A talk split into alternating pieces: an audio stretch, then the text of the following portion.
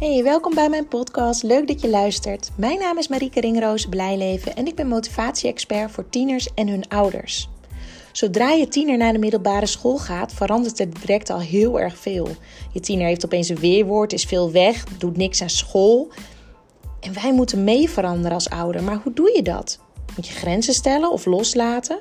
We hebben het idee dat hij zoveel meer kan, maar niks doet. School lijkt hem gewoon niet te boeien. Elke dag ruzie over huiswerk en dan dat uitstelgedrag. Wat moet je ermee?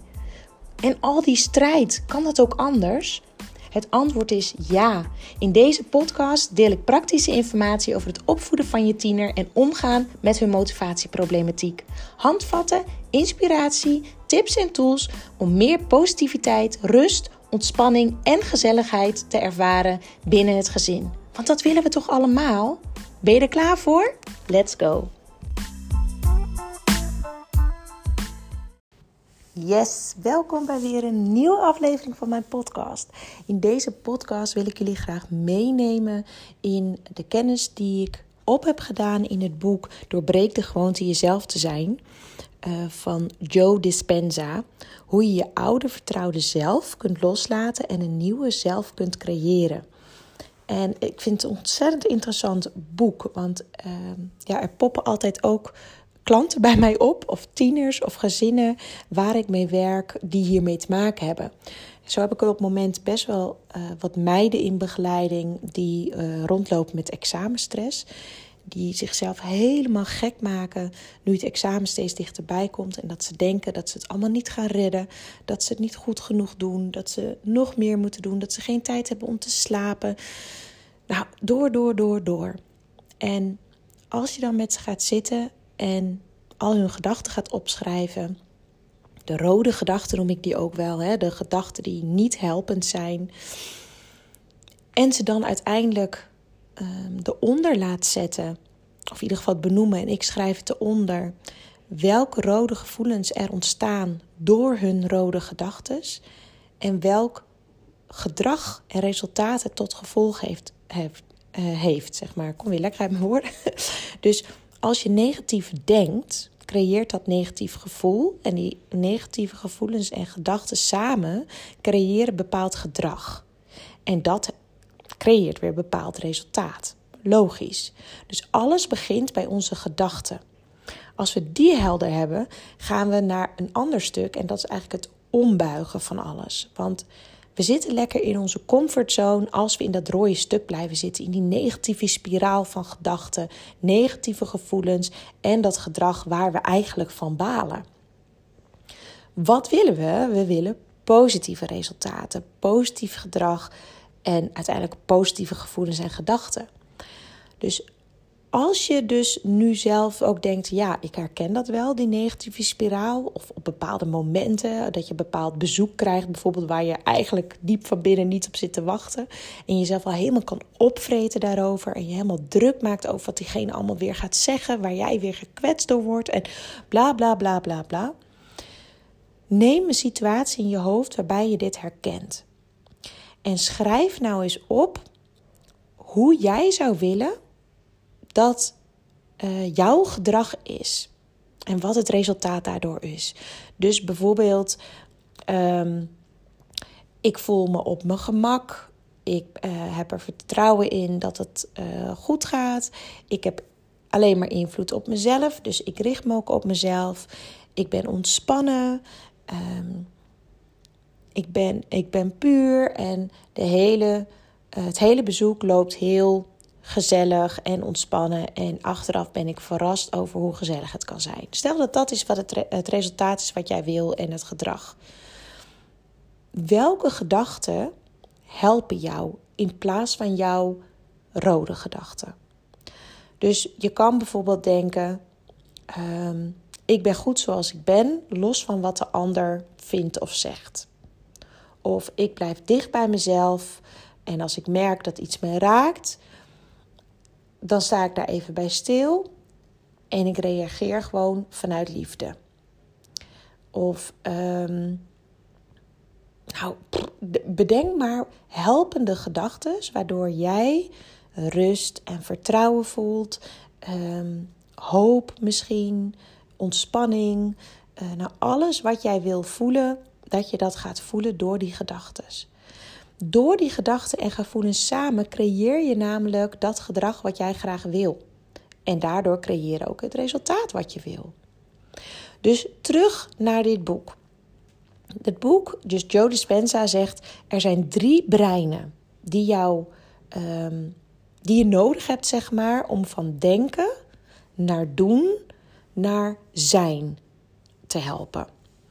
En het eerste brein is de neocortex. En de neocortex die zorgt ervoor dat uh, jij gaat van denken naar doen. Dus de neocortex verwerkt de kennis en beweegt ons ertoe om te leven naar wat we geleerd hebben. Dus uh, denk hierbij bijvoorbeeld, nou, je luistert nu deze podcast en misschien heb je al heel wat van mijn podcast geluisterd. Je neemt de kennis tot je, maar daarmee, um, ja, dat, daarmee is het nog niet automatisch zo dat je datgene wat je nu hoort in de podcast ook kan toepassen of toepast in jouw leven. Dat is de volgende stap. Dus je neemt nu eerst uh, de kennis op je, dat doet de neocortex. En daarna wil je datgene wat je hebt geleerd toepassen. En om dat toe te kunnen passen, moet je natuurlijk gaan oefenen. Dus nieuwe gebeurtenissen, uh, van nieuwe gebeurtenissen naar nieuwe emoties. Dus het limbische brein, dat is het tweede brein, maakt chemische stoffen aan die ons helpen om ervaringen te onthouden. Dus een bepaald gevoel eraan te koppelen. Misschien ken je dat wel, dat je uh, als je terugdenkt aan vroeger, dat je um, iets met je ouders deed of iets met een vriendje of vriendinnetje deed, dat je nog heel goed weet hoe je je toen voelde. Dat je gewoon weer helemaal kan ervaren hoe je op dat moment voelde, hoe dat moment was. Nou, dat is wat het limbische systeem doet. Die zorgt er dus voor dat wij ervaringen onthouden. En uh, het derde brein zorgt ervoor dat je van denken naar doen naar zijn gaat. Dus onze automatische gedachten, houdingen en gedragingen, die worden opgeslagen in dit derde brein. En dan hoef je er dus eigenlijk niet meer bij na te denken, maar dan ben je dat dus geworden. Dan doe je dat automatisch. Denk maar hè, aan, aan uh, zoals hij het hier ook uitlegt, denk maar aan vroeger toen je rijlessen nam. In het begin moest je alles onthouden. Oh, uh, die spiegel kijken, die spiegel kijken, over mijn schouder kijken, uh, gaspedaal indrukken, tegelijk een koppeling op laten komen. Nou, bla bla bla. Alles, overal moest je bij nadenken. Toen was je dus nog met je eerste brein bezig. Of eh, dat deed je eigenlijk al in je theorie-examen. En daarna ga je dus met je tweede brein bezig. En je krijgt er steeds meer feeling bij. En op den duur, zoals nu bijvoorbeeld, als je al langer auto rijdt, denk je er eigenlijk niet eens meer bij na. Je draait de sleutel om en je weet, je lichaam weet gewoon automatisch hoe die het allemaal moet doen. Hoe je moet remmen, hoe je gas moet geven, hoe je uh, zorgt dat je goed uitkijkt enzovoort. En Joe Dispenza die vergelijkt het ook met uh, computers. Um, zie ons brein eigenlijk als hardware en uh, een stukje software. De ene. Kijk, we hebben allemaal dezelfde hardware, uh, hardware om maar zo te zeggen. Um, alleen aan de ene computer zit een beginnende programmeur, om maar zo te zeggen. En de andere computer zit een, een, uh, ja, iemand al met veel meer ervaring. De beginneling die weet nog niet tot wat de computer allemaal in staat is. Dus die zal nog niet alles benutten wat het kan. Terwijl de, de programmeur die al veel langer het werk doet, die weet al veel beter wat, uh, wat computer allemaal kan en zal van groter gedeelte van wat er beschikbaar is ook gebruik maken. Nou, zo kan je dit ook zien van deze drie verschillende onderdelen van ons brein. in het begin weet je nog niet alles wat er mogelijk is. En doordat je gaat oefenen en er steeds meer achter komt wat er allemaal mogelijk is, gaat het steeds beter en gaat het steeds meer vanzelf. En wat ik heel erg mooi vind, is wat ze hier eigenlijk zeggen, is dus als jij nu in het leven bepaalde, ja, bepaalde situaties of ervaringen hebt waar je van baalt. laat ik het even bij die, die meiden bijvoorbeeld die met, met uh, examenstress bij mij komen hebben. Die zitten zo ontzettend vast in hun vaste denkpatroon dat ze het helemaal zijn gaan geloven. Hun gedachten zijn helemaal overtuigingen geworden. Uh, de eerste reactie als ik zeg uh, dat, we gaan, dat we de gedachten gaan ombuigen is ja, maar dat kan ik niet. Dit is nu eenmaal zo. Ik kan dat niet geloven. En dat komt omdat je dan zo vastzit in het, in het ehm, ja, in de belemmerende gedachten, zeg maar. Dat je hele lijf, je hele hoofd, alles in jou, je hele systeem is dat gaan geloven.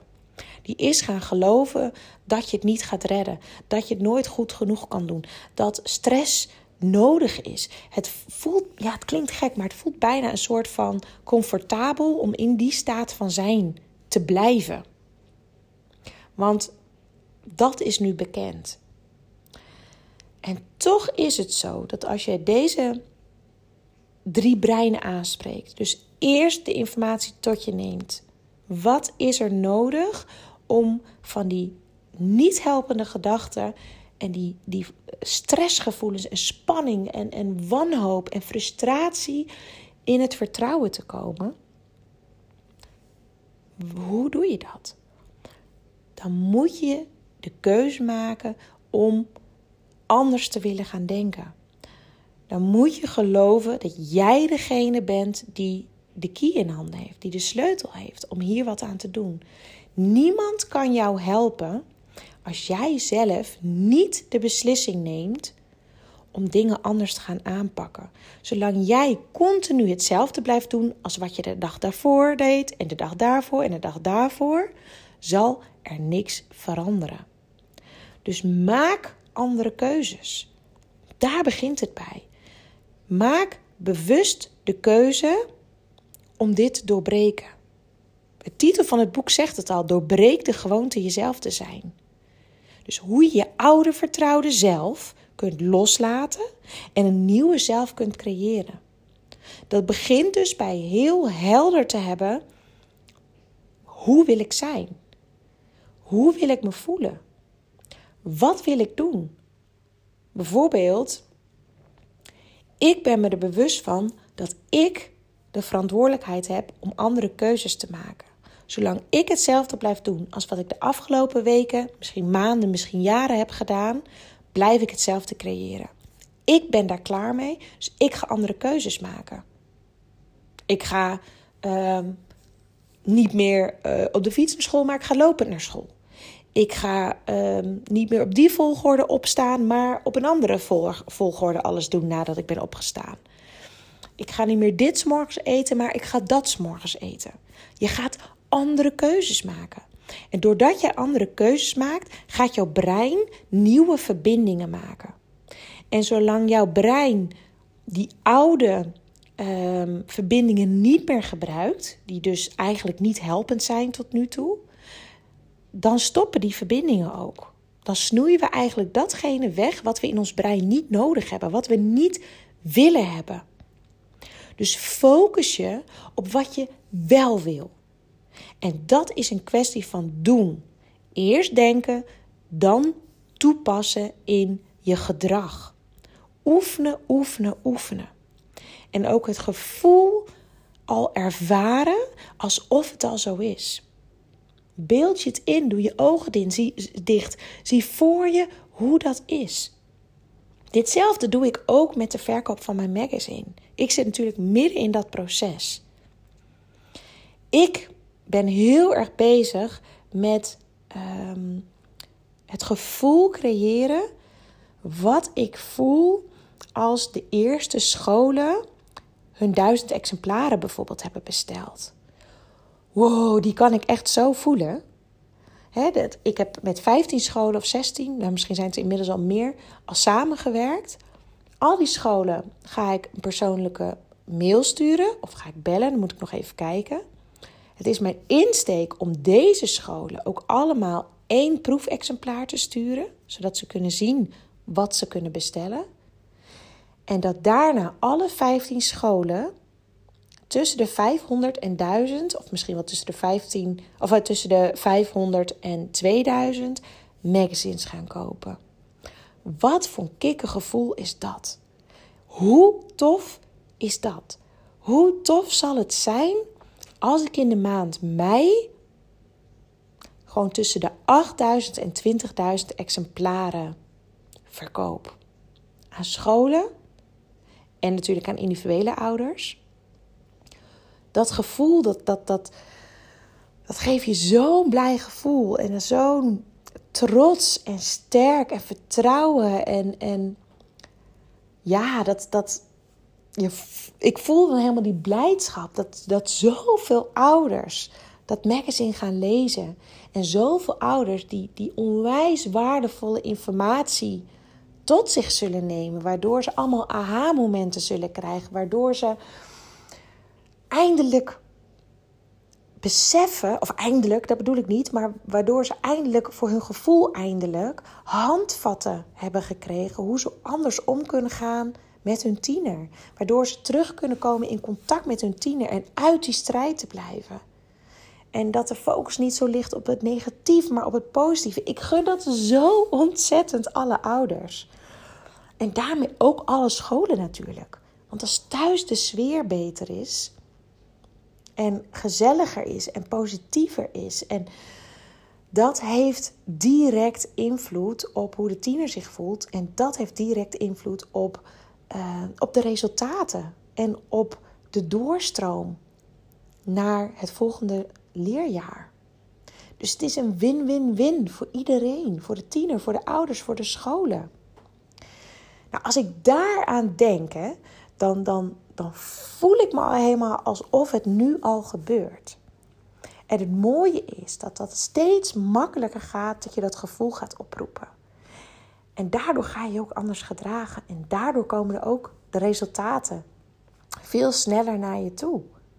Ja, ik, vind het, ik vind het echt een prachtige theorie. Dus om even samen te vatten van de drie breinen.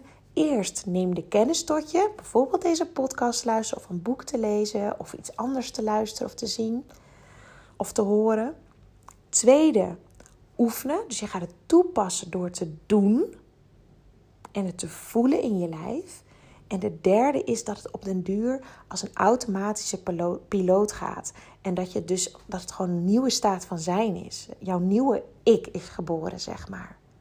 Dus als jij nu niet tevreden bent over bepaalde dingen, in je ouderschap of op je werk of, of wat dan ook, of in je relatie, schrijf voor jezelf eens heel duidelijk op wat jij wil. En het mag alleen maar over jezelf gaan. Want je hebt invloed op jezelf. Wie wil jij zijn? Hoe wil jij kunnen reageren? Hoe wil jij reageren? Hoe wil je je gedragen? Hoe wil jij je voelen? En wat is het resultaat daarvan? En zie dat eens voor je. Sluit je ogen en zie het voor je. En ga eens in je lichaam voelen hoe je je dan voelt. En dan komt namelijk jouw brein in balans, in verbinding met je lichaam. En dat is wat je nodig hebt om de gewoonte jezelf te zijn te doorbreken. en met jezelf te zijn bedoelen ze eigenlijk diegene te zijn of op die manier te zijn die je eigenlijk niet dient, die je eigenlijk niet meer wilt, die jou eigenlijk afremt of belemmert of blokkeert. Dus jouw hoofd, jouw drie breinen in verbinding brengen met je lichaam. En doen, doen, doen. Zodat het op de duur de automatische piloot gaat. En je bent, je bent dan degene die je had opgeschreven. Oké, ik ben heel benieuwd of jij hier iets uithaalt. Ik vind het superleuk als je een berichtje stuurt, als je mijn podcast deelt. Want zo bereiken we nog meer ouders die we kunnen inspireren met de kennis. Oké, ik wens jullie een hele fijne week alvast. En ik spreek jullie gauw weer. Doei doei!